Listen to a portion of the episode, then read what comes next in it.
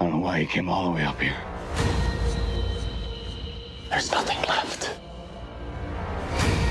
There are people out there. People worth saving.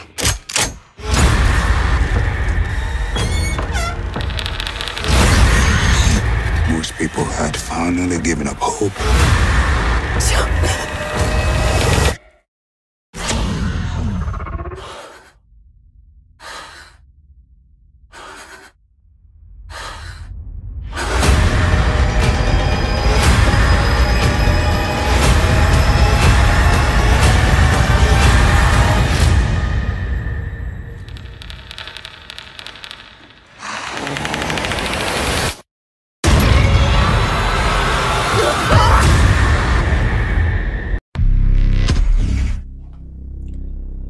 Hey, hey, hey.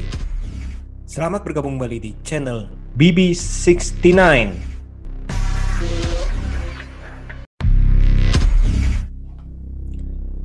Hey, hey, hey. Selamat bergabung kembali di channel BB69.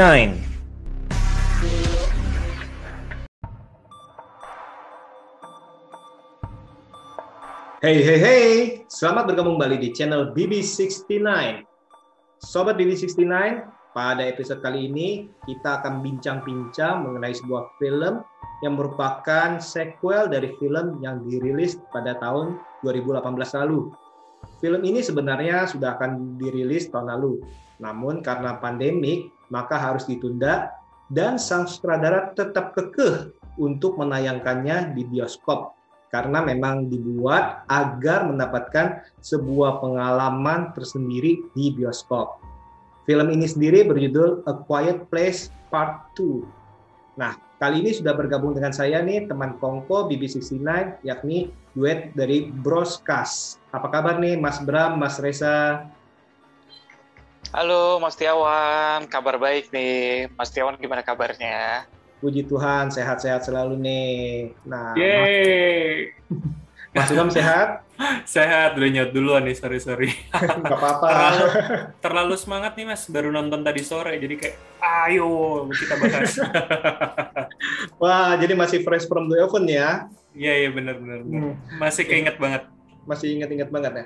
Nah, sekarang ini saya mau nanya nih, eh, kabar dari eh, di- akan dibuatnya sequel ini kan udah lama nih. Nah, kalian ini sewaktu mendengar bahwa film A Quiet Place yang sangat menghebohkan waktu dulu itu akan dibuat sequel part 2-nya, itu sebenarnya respon kalian di mana sih? Apakah kalian semangat atau kalian ah ngapain sih dibuat eh, sequel? Nah, mulai dari Mas Bram dulu deh yang baru fresh nih. Kalau sebetulnya saya inget kayak setahun yang lalu ya, kalau nggak salah eh, sebenarnya trailer keduanya kan keluar dan buat saya secara pribadi sih saya eh, semangat semangat tapi bukan yang semangat kayak misalkan nonton apa ya kayak misalkan nonton Marvel Hunger Game misalkan Hunger dulu Games. Ah, ah, itu itu saya semangat banget waktu itu karena memang saya suka Katniss Everdeen. Tapi kali ini ya semangat aja biasa gitu loh. Apalagi kalau menurut saya mungkin kalau bisa kita bilang kan film-film duologi misalkan kita kan belum tahu nih akan jadi trilogi apa enggak. Itu biasanya kedua kan agak zong ya. Apalagi ini masih menceritakan yang sama. Apakah masih akan sesempit soal keluarga itu atau enggak kan sebenarnya nggak jelas juga dan konfliknya sama. Jadi buat saya sih kayak biasa aja apalagi dengan pandemi ya udah lupa Cuman memang karena sekarang hype-nya keluar, eh ternyata setelah nonton bagus. Hmm. Kayak bonus aja sih kalau saya gitu. Andaikan A Quiet Place ini diperankan oleh Emma Stone ya mungkin langsung ya. Ya sih, saya eh, orangnya setergantung sama yang main sih mas. Oke oke. Nah kalau dari Mas Reza sendiri gimana Mas? Waktu pertama kali mendengar uh, akan dibuat sequel, apakah semangat atau gimana? Sebenarnya semangat sih semangat, tapi bener yang nggak terlalu nunggu sih. Apalagi eh, bener tahun lalu kan rencananya mereka mau tayang gitu ya 2020.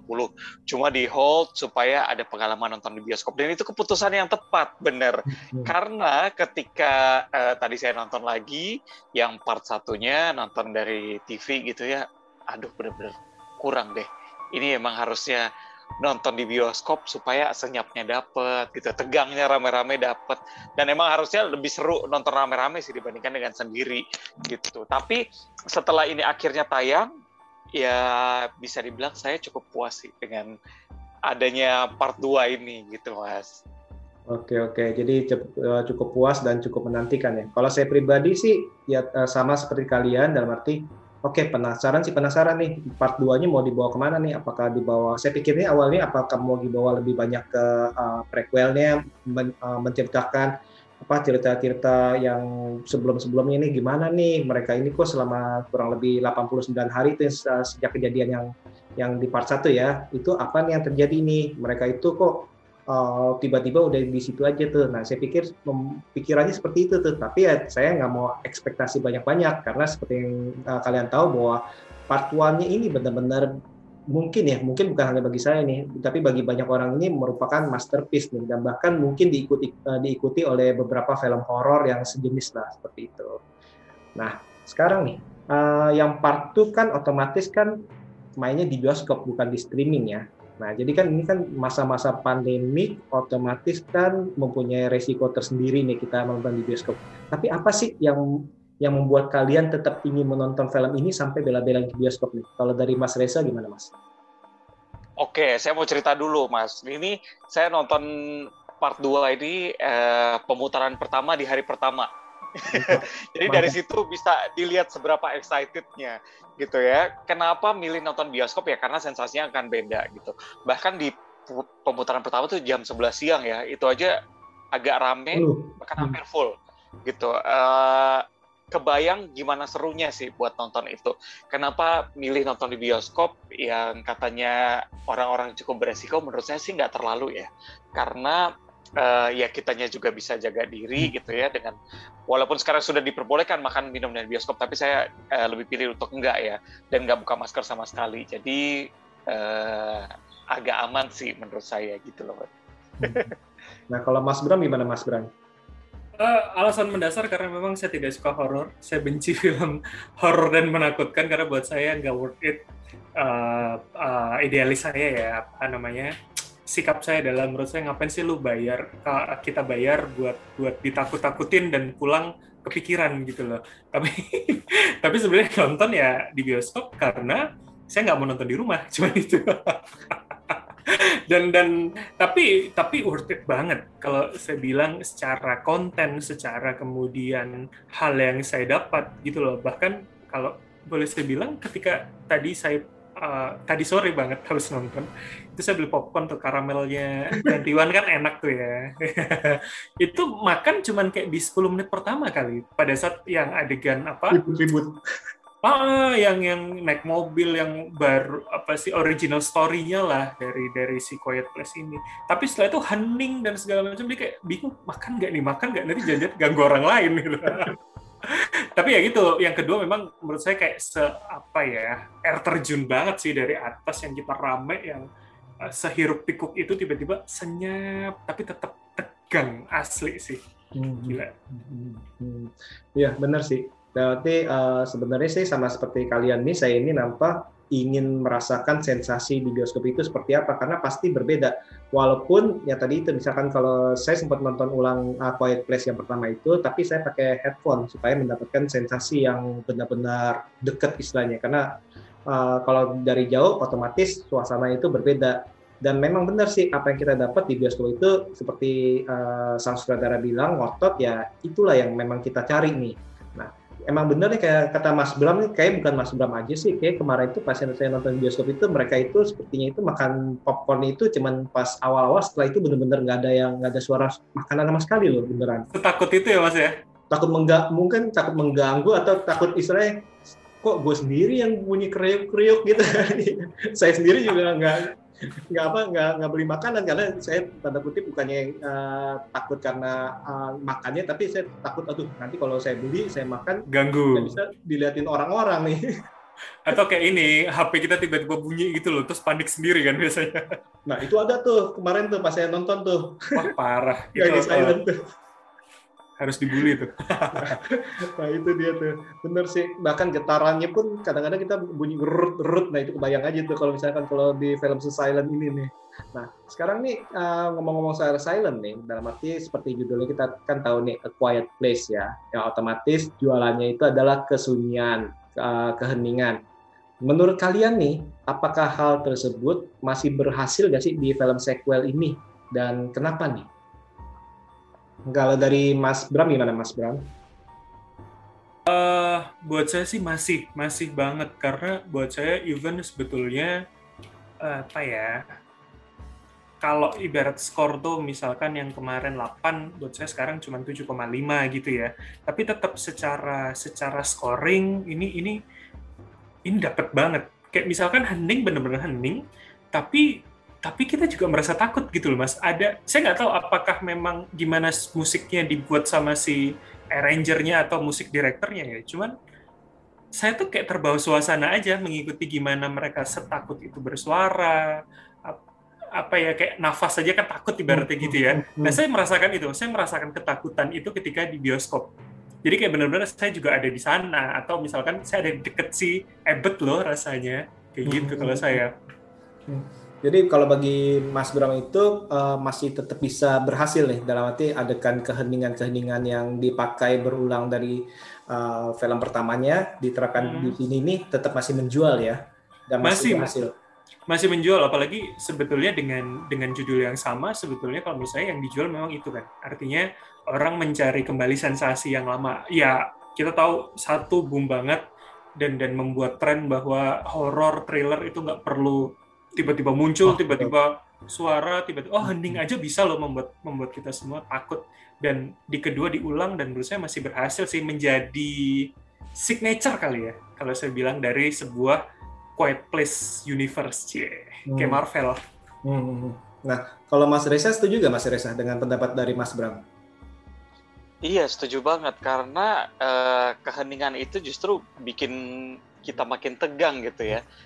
Ketika uh, kuping apa telinga kita tuh lebih dimanjakan dengan ASMR. Mungkin akan lebih seru kalau nontonnya Dolby Atmos. uh, cuma kemarin nggak dapat yang itu karena saya nonton di CGV ya, jadi nggak ada. Coba ya memang ketegangan saat nonton dan heningnya itu itu yang jadi jualan dan itu dapat banget.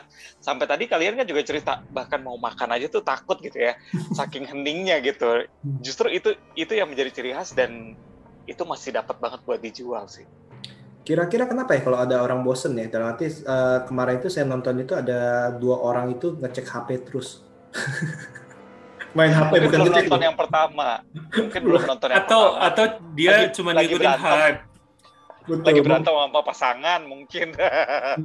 atau lagi dicariin sama kantor karena WFH coba kabur ke bioskop gitu. buat, buat mereka yang nonton harusnya sih akan tetap fokus sih buat nonton film ini karena segitu tidak bisa mengalihkan perhatiannya sih. Hmm. Atau itu cuma buat ini IG story, foto foto tiketnya biar kelihatan hype di teman-temannya.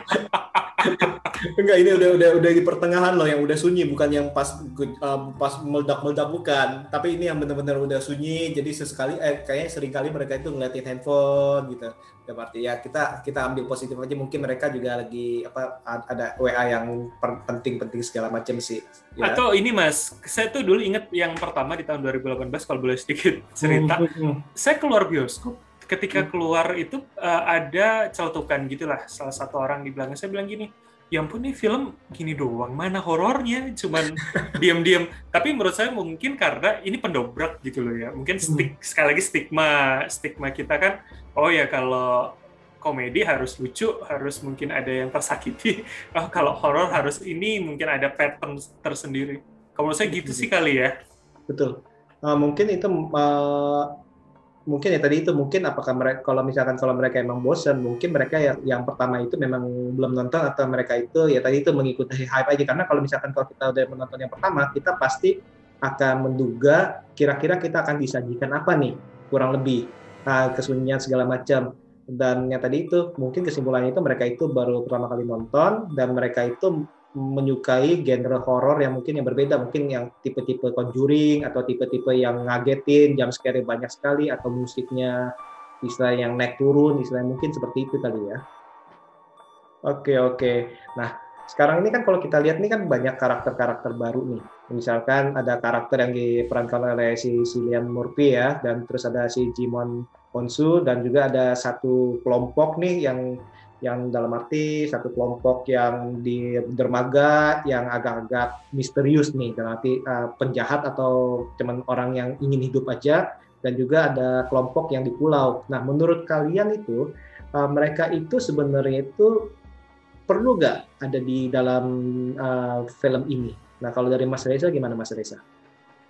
Perlu banget karena biar kita nggak uh, fokus dari keluarga Ebert aja karena uh, apa ya sebenarnya film versi apokalips atau kiamat dunia segala macam kan konfliknya akan berputar uh, di situ-situ aja mm-hmm. antara manusia dengan zombie atau monsternya dan konflik mm-hmm. sesama manusia dan itu digambarkan di sini ya ya digambarkan dengan baik sih walaupun di film pertama kan sempat ada juga uh, karakter antagonis si kakek-kakek yang tiba-tiba hmm, teriak, teriak di betul. hutan.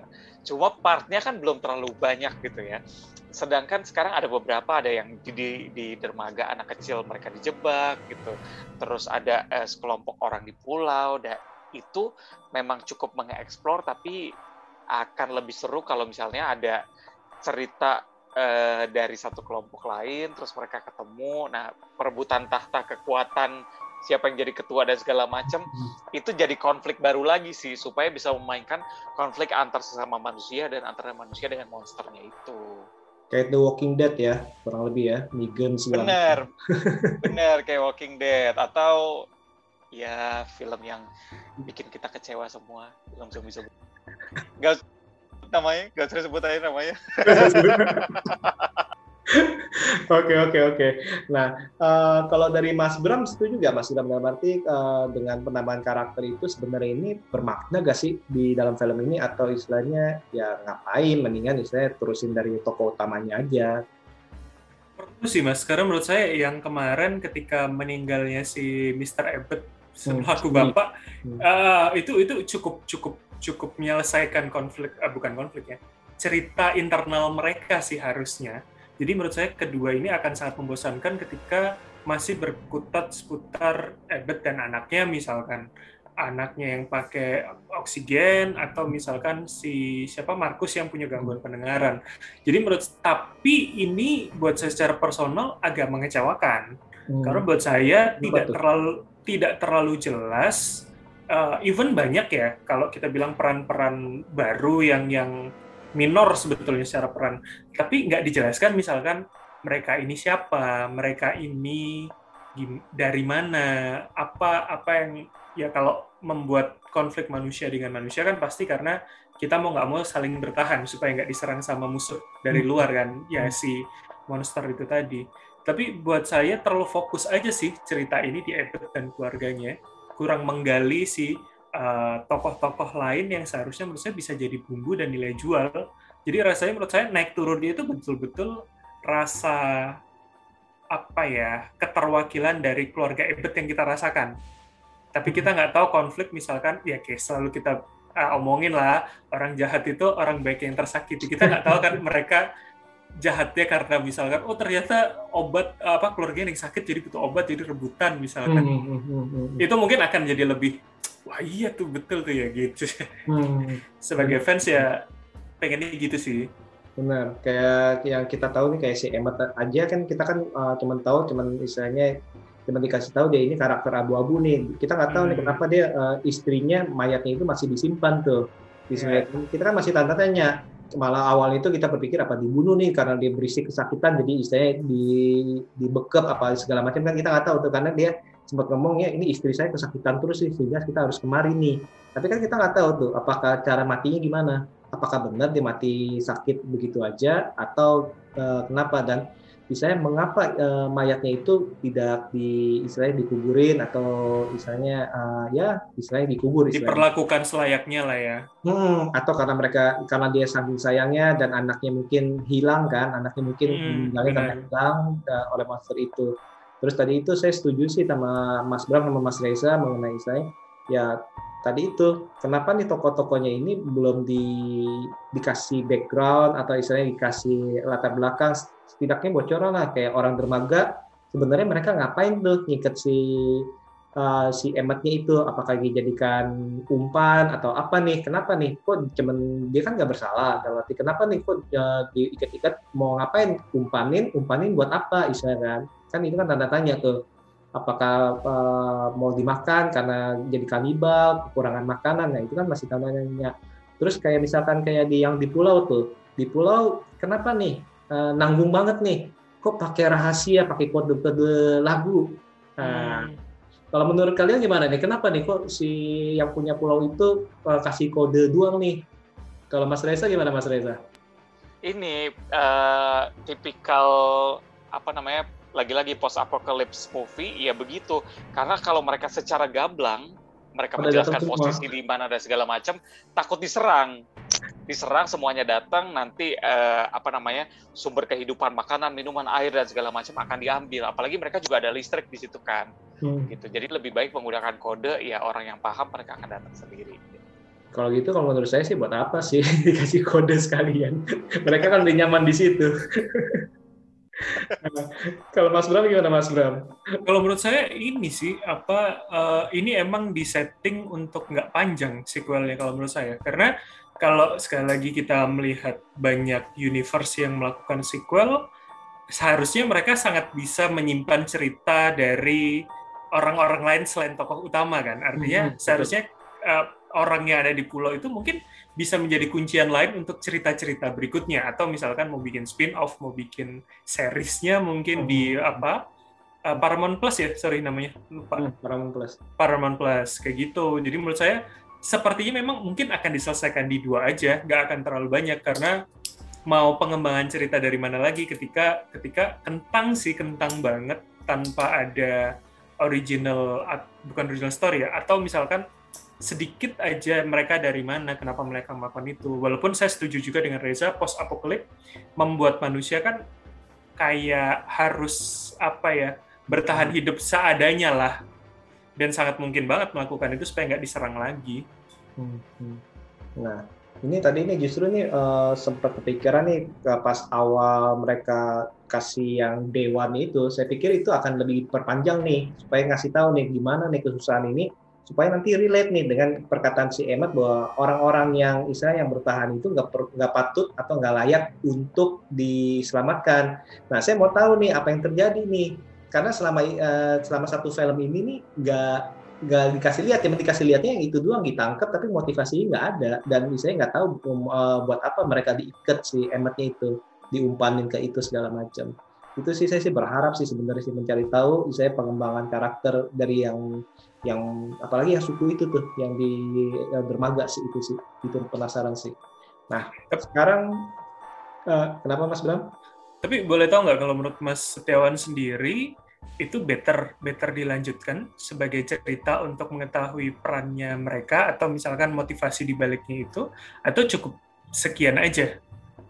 Karena ini udah dibuat yang part 2-nya ya cukup sekian sih. Artinya harusnya itu ya mungkin menurut saya sih kekurangan durasi sih. Uh, hmm. apalagi durasi 90 menit itu kan kita di saya disuguhkan kalau si Zack Snyder kan habis karena slow motion. Nah, kalau ini habis karena benar-benar bergerak secara pelan-pelan, bukan di slow motion nih, tapi dia emang geraknya pelan-pelan. Nah, itu durasinya itu habis kan karena itu tuh. Dia harus bergerak uh, ngambilnya segala macam pelan-pelan. Nah, itu mungkin durasinya harusnya sih kalau bagi saya sih harus ditambah sih sebenarnya sih. Seperti itu. Kalau Mas Reza gimana Mas menurut Mas? Benar, 4 jam kita sudah terlatih untuk nonton film 4 jam ya. Setelah Justice League. Jadi mau sepanjang itu, that's okay, gak apa-apa. Asal ceritanya bagus dan sempurna, kita sanggupin. Kayak mini seri lah ya, seperti itu ya. Berarti hashtagnya apa? Restore Krasinski Cup gitu ya. Benar, satu setengah jam kurang banget sih. 90 menit sekian itu kan 90 sekian emang kurang banget kalau dibikin sampai dua jam mungkin iya cuma lagi-lagi uh, mungkin mereka berpikir ketika durasinya akan lebih panjang? Apakah uh, Boring sih? intensitasnya ya intensitasnya akan sebagus itu? Apalagi kita juga ibaratnya dimanjakan dengan keheningan tadi. Apakah Hmm, penonton masih akan cukup bertahan, nggak ngecek-ngecek HP selama dua jam gitu? Mungkin pertimbangannya dari situ sih untuk mering, apa, meringkaskan cerita-cerita itu tadi. hmm, hmm. Nah, ini sih lucu juga nih kalau kalau yang di film part 2 ini, jadi yang dibuka dengan keberisikan, tengah-tengahnya keheningan, endingnya berisik lagi ya. Bener kan? Berisik tapi cuman akhirnya itu baru jadi diam lagi.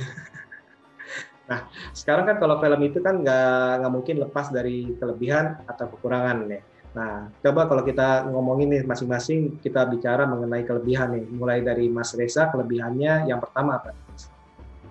Eh, kelebihannya saya catatan saya nih. Kan. Emily Emily Blunt memerankan ini dengan baik sih. Walaupun kelihatannya eh, actingnya effortless ya, kayak nggak ngapa-ngapa nggak ngapa-ngapain, duduk diem, begini doang gitu-gitu loh. Tapi actingnya luar biasa Hmm. dan sebagus itu.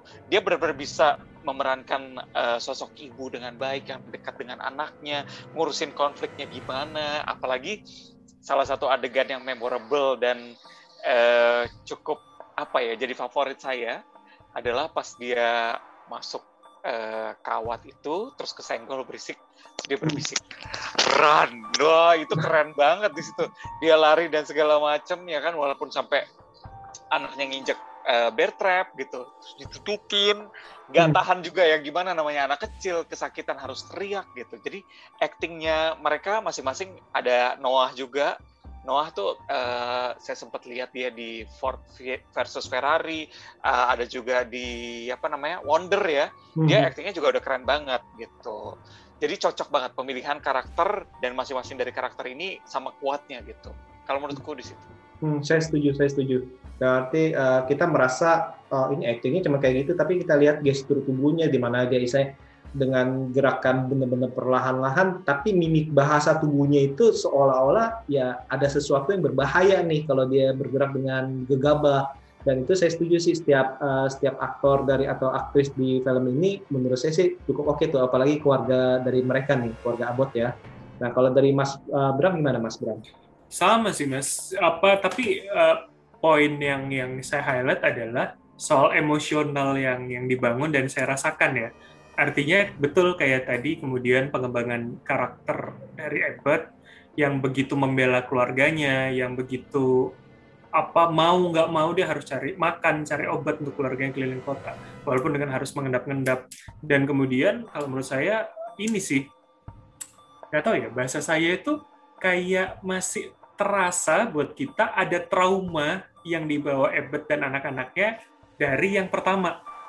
Jadi rasanya ini tuh eh, bener-bener really sequel kalau menurut saya. Hmm, hmm, betul. Jadi jadi kita masih sangat bisa mengingat oh iya dia begitu karena yang di pertama dia segitu kehilangannya, segitu ah, mencekamnya kondisinya. That's why dia sangat sangat membela dan melindungi keluarganya kayak Reza tadi bilang ada bear trap terus kemudian melindungi anaknya mau tidak mau atau misalkan dia pas bilang run itu kan buat saya begitu ini ya personal gitu loh rasanya kayak bener-bener dia itu lagi yuk lo harus harus harus apa harus selamat gitu loh gua aja nggak apa-apa. Seakan-akan begitu yang saya rasakan. Jadi ini poin-poin plus penting sih buat saya yang sebagai penonton ya.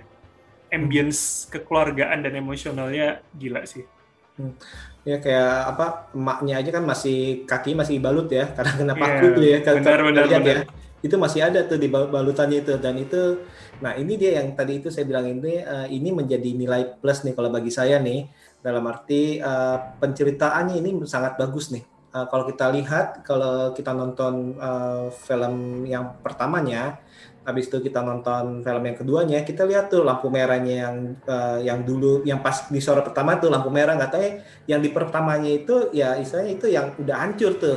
Terus toko mainannya tuh yang dia pergi kan sempat dikasih lihat kan tuh ada sekilas itu mainan penyebab kematian daripada anaknya itu tuh. Nah itu itu itu dikasih lihat tuh. Nah mungkin bagi beberapa orang itu ah pengulangan? Tapi bagi saya justru itu detail yang yang sangat bagus. Sangat bagus itu uh, di benar-benar di re, recreate ya dalam arti dibuat lagi dan dijadikan sesuatu adegan yang baru nih. Dan itu menurut saya sangat bagus nih nah kalau kelebihan kelebihan kedua gimana nih Mas Reza? Tunggu aku mau tambahin sedikit. Nah nyambung juga. Hmm. mengenai detail-detailnya eh, kalau misalnya kita bisa ingat lagi di film pertama ketika mereka masuk eh, ke apa namanya semacam minimarket supermarket hmm. semua barang-barang udah habis. Betul. Tapi disisakan ada satu eh, semacam lemari yang isinya masih penuh. Bisa nebak gak isinya apa oksigen bukan bukan potato chips. Oh, pot keripik kentang. Nggak ada yang berani ngambil karena resikonya oh. maksud detail detail. Karena berisik oh, ya. Oke oke oke oke. nggak kepikiran nggak kepikiran. dari ngebuka aja udah akan berisik apalagi makan kan krok krok krok gitu. Detail sekecil itu aja tuh difikirin sama mereka. Itu salah satu jadi apa ya poin tambahan yang mereka pikirin detail sedetail-detailnya sesuai dengan kira-kira apa yang terjadi ketika alien itu datang ke bumi gitu. Itu luar biasa banget. Mungkin nggak semua orang merhatiin, tapi saya merhatiin detail itu dan luar biasa. Tepuk oh, tangan. Oke, oke. Kayaknya harus harus harus harus nonton lagi nih, Mas. Dalam arti ya. Kalau kita kan cuma fokusnya ke popcorn, Mas ya, Mas Bram ya.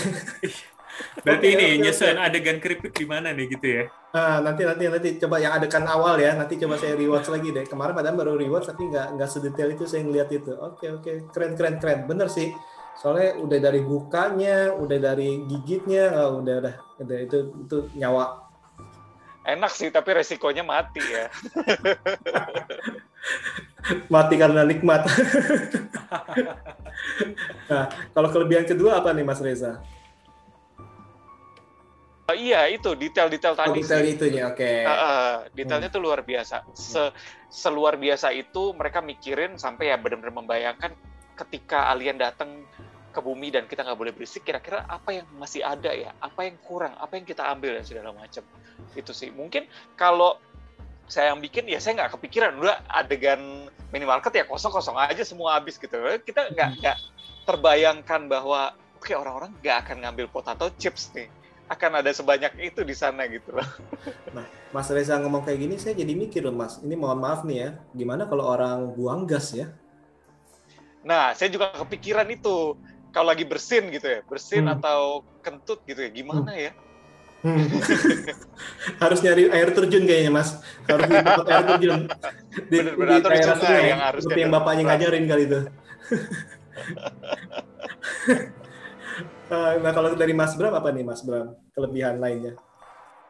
Scoring musik kali mas, hmm. kalau buat saya mas. Setuju, setuju. Apa uh, ya itu ketika ketika hening itu saya masih berasa takut. Berarti kan artinya mungkin ada musik yang diselipkan sama mereka as a musik director maybe atau hmm. arrangernya yang yang secara tidak sadar kita dengarkan dan bikin kita tetap ada apa nih ada.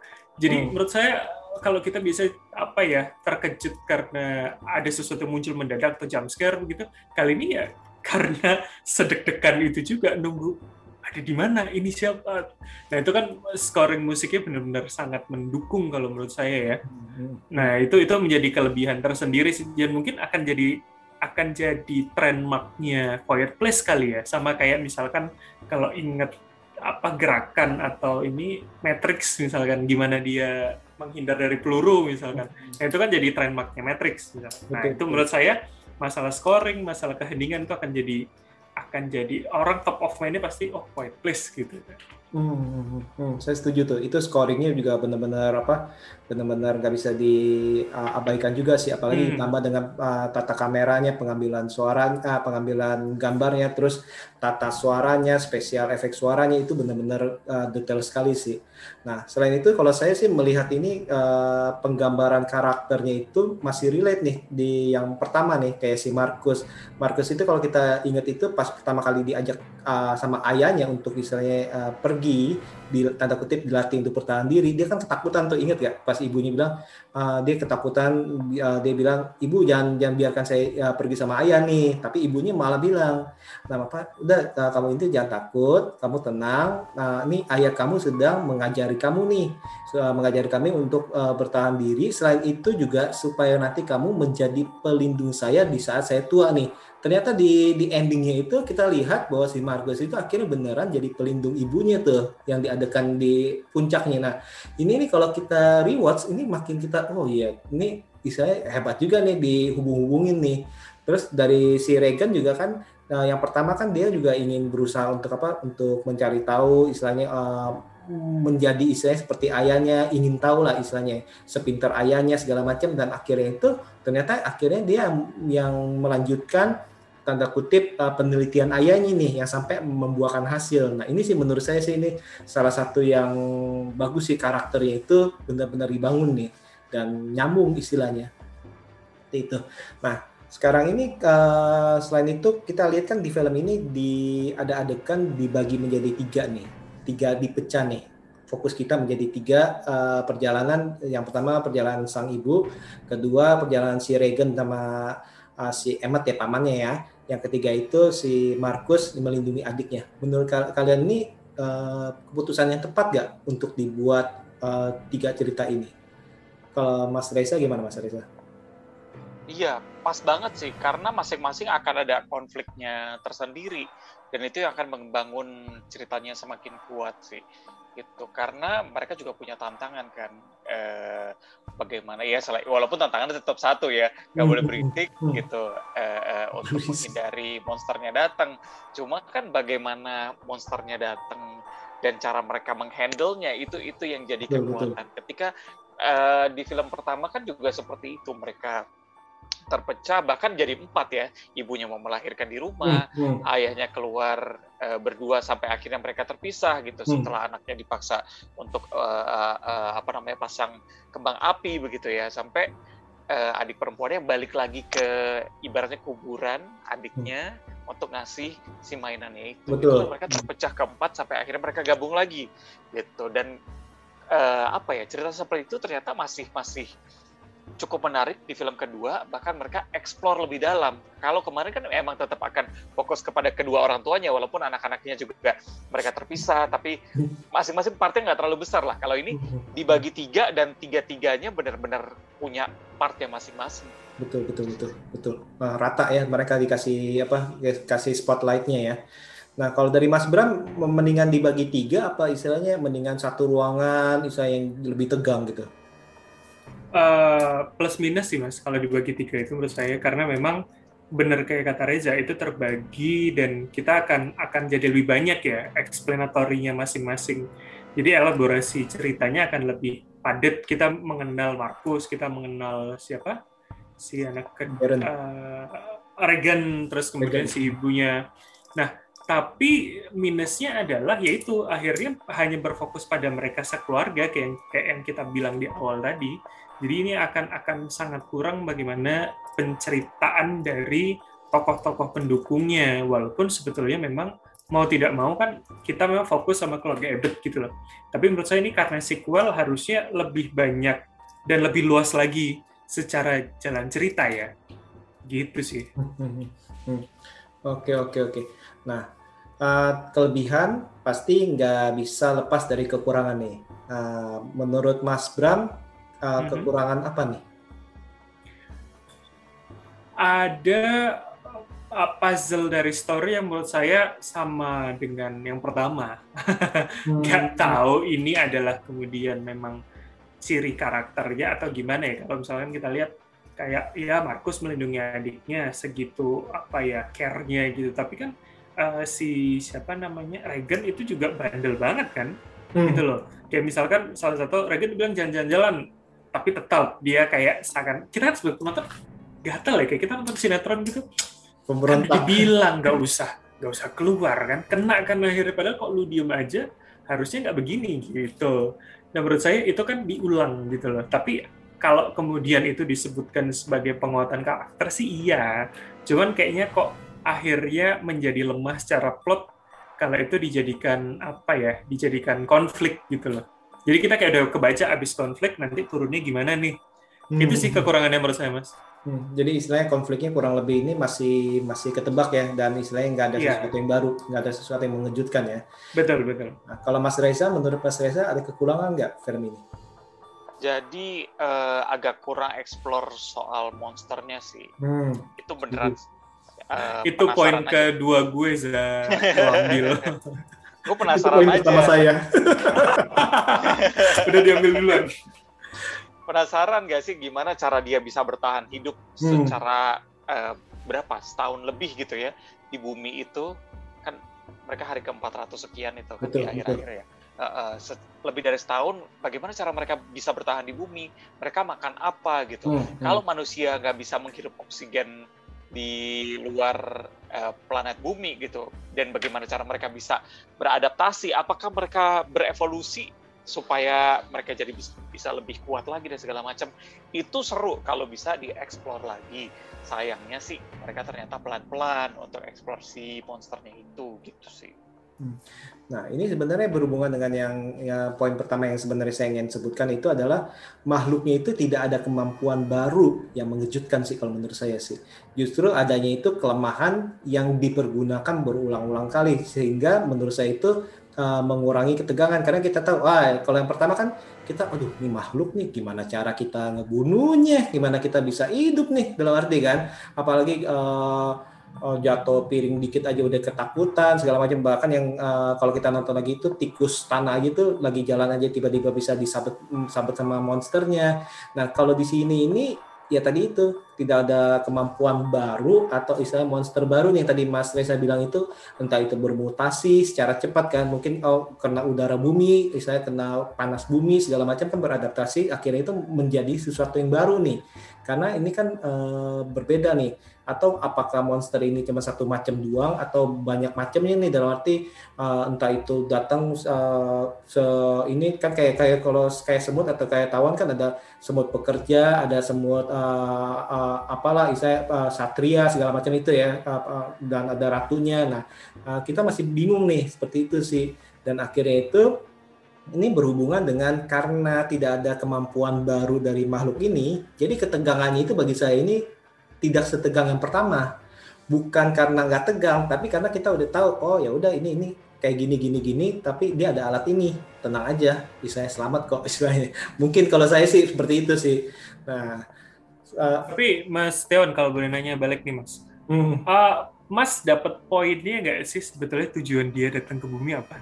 Saya kok itu Belum, itu nggak. jadi jadi buat saya buat ganjalan pribadi ya maksudnya. hmm.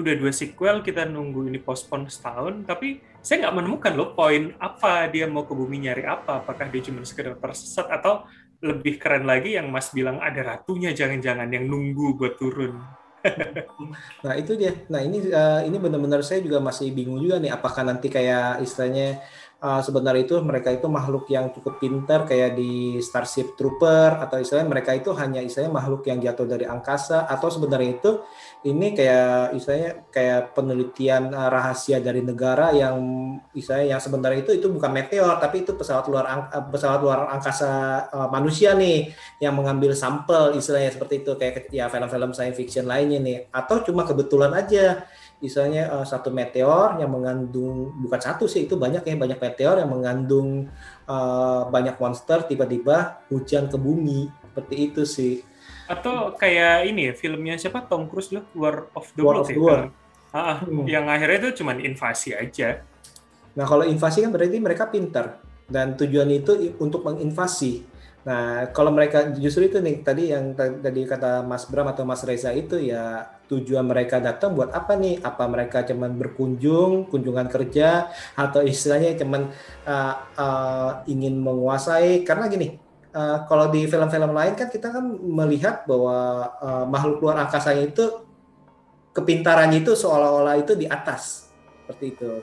Nah, lebih maju ini- Bener kan? Kalau ini kan kesannya ini cuman insting, mendengar bunuh, mendengar bunuh, kayak mendengar bunuh. binatang ya jatuhnya ya Nah, dan kita nggak tahu bunuh itu dibunuh apa dimakan. Ya kan? Apakah mereka itu uh, uh, istilahnya uh, primal, istilahnya uh, refleks untuk makan, oh ini ada ini dia makan atau refleks untuk bunuh habis itu udah hilang. Nah, seperti itu sih. Hmm. Nah, ini ada ada kekurangan lagi kan ya? Kalau dari Mas Reza atau Mas Bram, ada yang mau ditambahin nggak? Ya, gimana? Bener sih, karena kita udah kenal ya, jadinya nggak nggak tegang lagi dan dia yang dieksplor justru malah salah satu kekurangan dia, dia yang baru, oh ternyata dia nggak bisa berenang gitu. Sama satu poin lagi yang bikin saya gregetan adalah kenapa dia tidak menggambarkan uh, daerah lain gitu. Hmm. Misalnya ya kayak cuma 5 5 second, 5 6 detik menggambarkan bagaimana kota-kota lain atau county yang lain di Amerika atau justru negara lain gitu. Karena kebanyakan kan menggambarkan seperti itu ya gitu. Kalau ini lokasinya cuma di situ doang dan satu pulau kan seolah-olah satu pulau ya. Bagaimana peran eh, peran pemerintah Amerika, bagaimana peran PBB melihat ini begitu. Apalagi ini berjalan sudah lebih dari satu tahun loh. Masa iya mereka nggak dilakukan apa-apa? Nah, Sunda ada Empire gimana sih?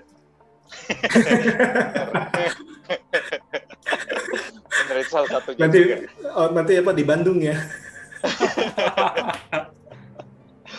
nah gitu uh, uh, kalau misalnya ini masuk juga kayak Mas Tiawan bilang, atau jangan-jangan justru ini eksperimen dari pemerintah gitu ya.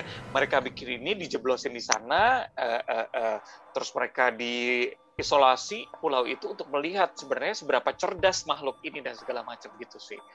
Mungkin akan jadi cerita lain gitu ya ketika itu dieksplor, tapi lumayan bikin gregetan menurut saya sih. Ini terjadi satu lokasi doang atau seluruh dunia gitu. Kita patut tahu soal itu sih. Hmm, hmm, hmm, hmm. Setuju, setuju, setuju. Ini sih yang cukup disayangkan nih. Nah, kalau dari Mas Bram ada kekurangan lain nggak Mas Bram? Enggak sih Mas. Poin pentingnya sih buat saya yang yang yang ganjel ya cuman itu. Apa tujuan dia datang ke bumi? Hmm. Tapi tadi poinnya kan udah diambil Reza. hmm, hmm. Poinnya udah diambil.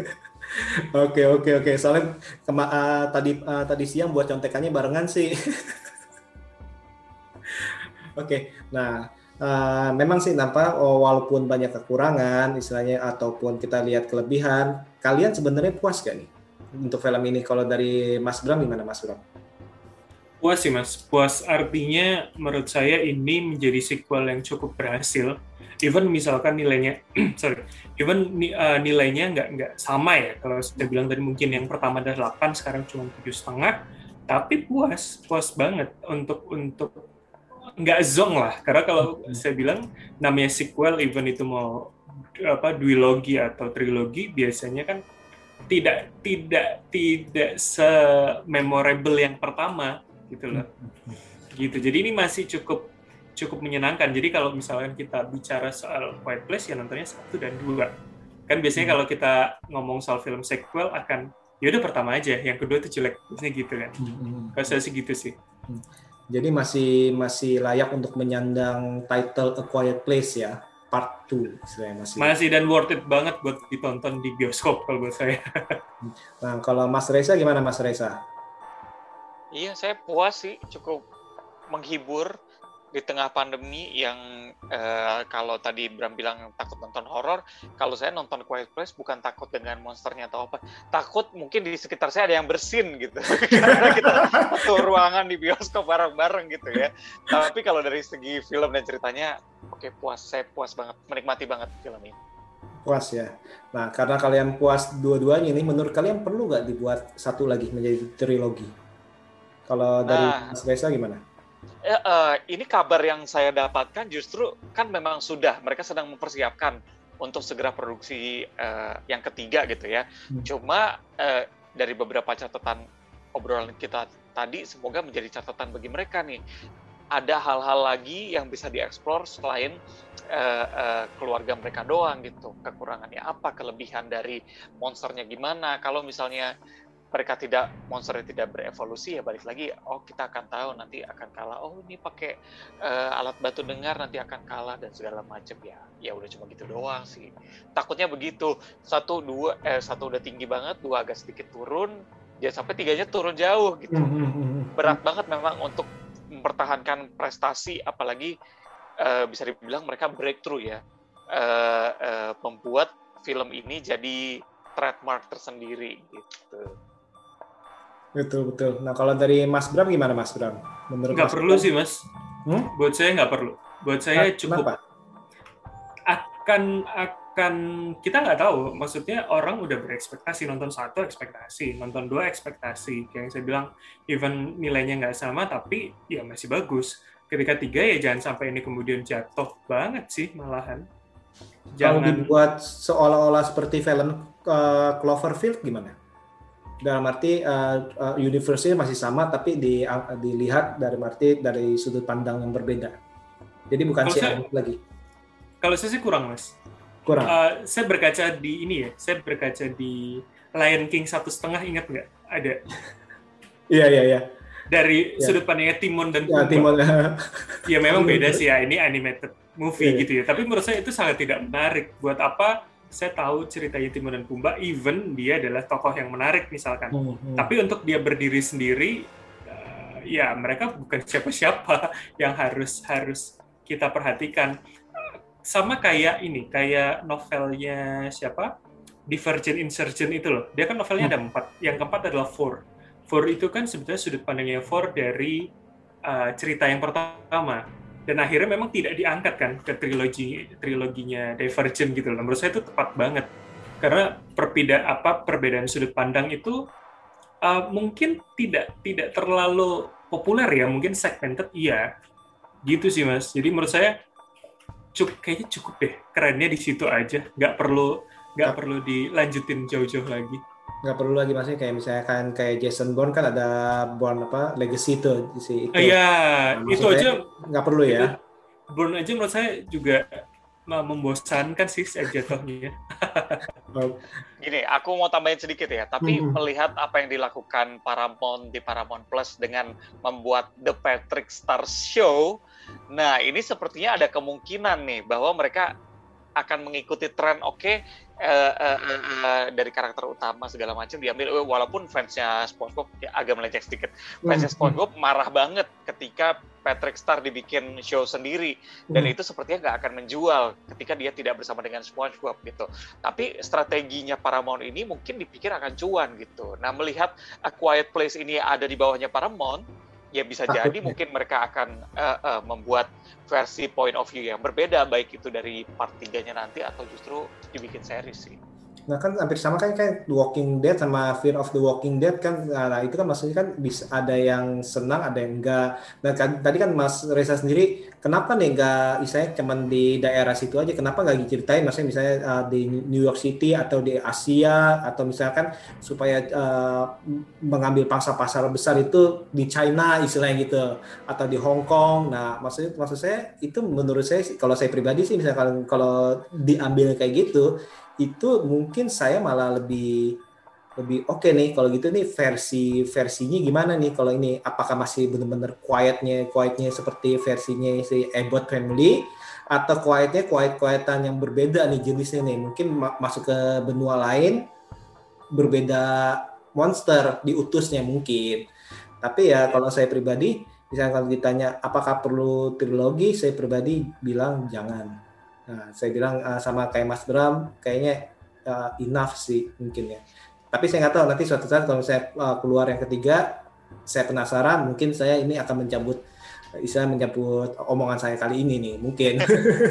Atau jangan-jangan nanti mas, Akan Hmm? akan lebih seru ketika ada point of view yang berbeda, tapi menggunakan timeline waktu yang pertama gitu. Gimana cara mereka bertahan? Balik lagi, kita masih ada loophole nih antara day one dengan day 89 gitu ya. Ini masih kosong. Gimana cara manusia ini bisa beradaptasi? Mereka cari tahu dan bapaknya bikin catatan banyak bahwa oke ternyata monsternya ini tidak bisa melihat. Ternyata kekurangannya masih belum tahu dan segala macam. Bahkan kan di situ banyak tempelan artikel dari koran dan segala macam. Nah, perkembangan itu akan lebih seru kalau misalnya kita dapat point of view yang berbeda gitu. Itu menarik. capek capek nggak sih lo apa mencoba ada missing point gitu tapi seakan-akan dipaksakan buat diisi kalau kalau gue sih capek ya apa, apa kayak apa sih kalau orang Jawa bilang tuh gaduh gaduh no, apa sih bahasa Indonesia ya?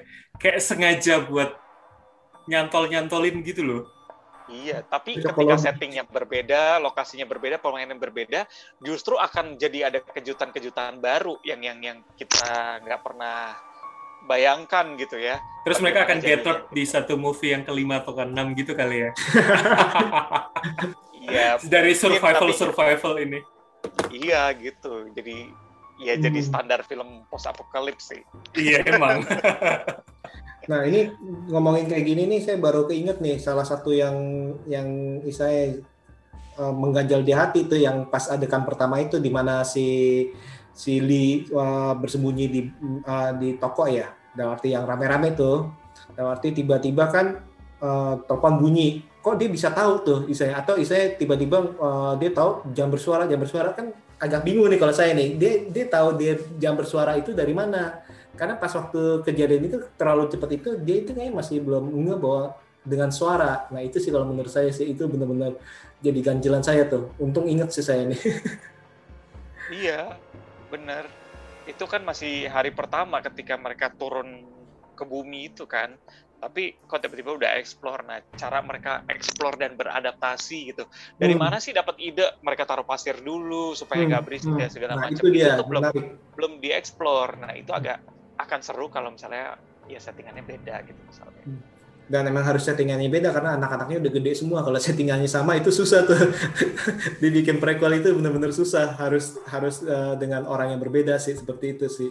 Emang menarik sih ini benar-benar film yang seharusnya nih bisa menarik. Cuman saya nggak tahu nih kalau misalkan kalau dibikin eh, misalnya spin off segala macam tanpa tanpa quietnya dengan misalnya action kayak science fiction segala macam itu kan nggak tahu gitu itu untuk penjual mungkin ya untuk mengga menggait apa eh, orang-orang yang nggak suka eh, keheningan seperti itu Tapi Han Solo aja berhasil loh mas. Han Solonya Star Wars. berhasil ini ngomong ngomong ngomong nyindir apa ngomong beneran ya, gitulah. Aduh, oke oke. Ini eh, ini kita kayaknya udah ngomong panjang lebar nih dari istilahnya segala hmm, kesukaannya atau istilahnya kekurangannya. Bahkan kita udah berteori-teori andaikan andaikan nih. Ini benar-benar seru nih hari ini nih bicara dengan Mas Reza dan Mas Bram nih eh, dari Broscast nih. Ini sekali lagi terima kasih loh untuk kalian mampir ke BB69 channel. Siap, terima kasih dari Terima undang. semoga apa ya semoga nggak bosen lah kita ngobrol-ngobrol koko-koko bareng ya Amin amin. Kita kongko-kongko bareng nih jadi temen kongko ya. Siap. nanti sesekali juga boleh nih uh, saling undang nih Mas uh, misalnya Broskas uh, mau undang saya ayo boleh kita ngobrol-ngobrol pasti, Seru. pasti dong. Oke. Ya Sekali- as soon as possible. Oke oke. Sekali lagi terima kasih nih untuk Mas Bram Mas Reza dan untuk para sobat Indie 69 jangan lupa untuk mendengarkan juga di channel Broskas nah kalau untuk IG-nya di mana Mas Bram atau Mas Reza? Di broadcast.podcast broadcast.podcast kalau untuk mendengarkannya di? Di Spotify, mas. Spotify di Anchor ya Iya, betul. Dan platform-platform lainnya. platform-platform lainnya. Oke. Nah, itu jangan lupa tuh didengarkan tuh. Apalagi mereka juga suka uh, bahas mengenai apa superhero-superhero juga ya, Marvel kalau nggak salah ya. Nah, itu boleh tuh dengan teori-teori mereka, dengan misalnya kesenangan mereka. Oke, sekali lagi saya mengucapkan terima kasih untuk para sobat BB69 untuk mendengarkan kami, pembicaraan kami, dan semoga uh, kita bisa berbicara dengan tema yang berbeda lagi. Sekali lagi terima kasih dan see you. Sampai ketemu. ya thank you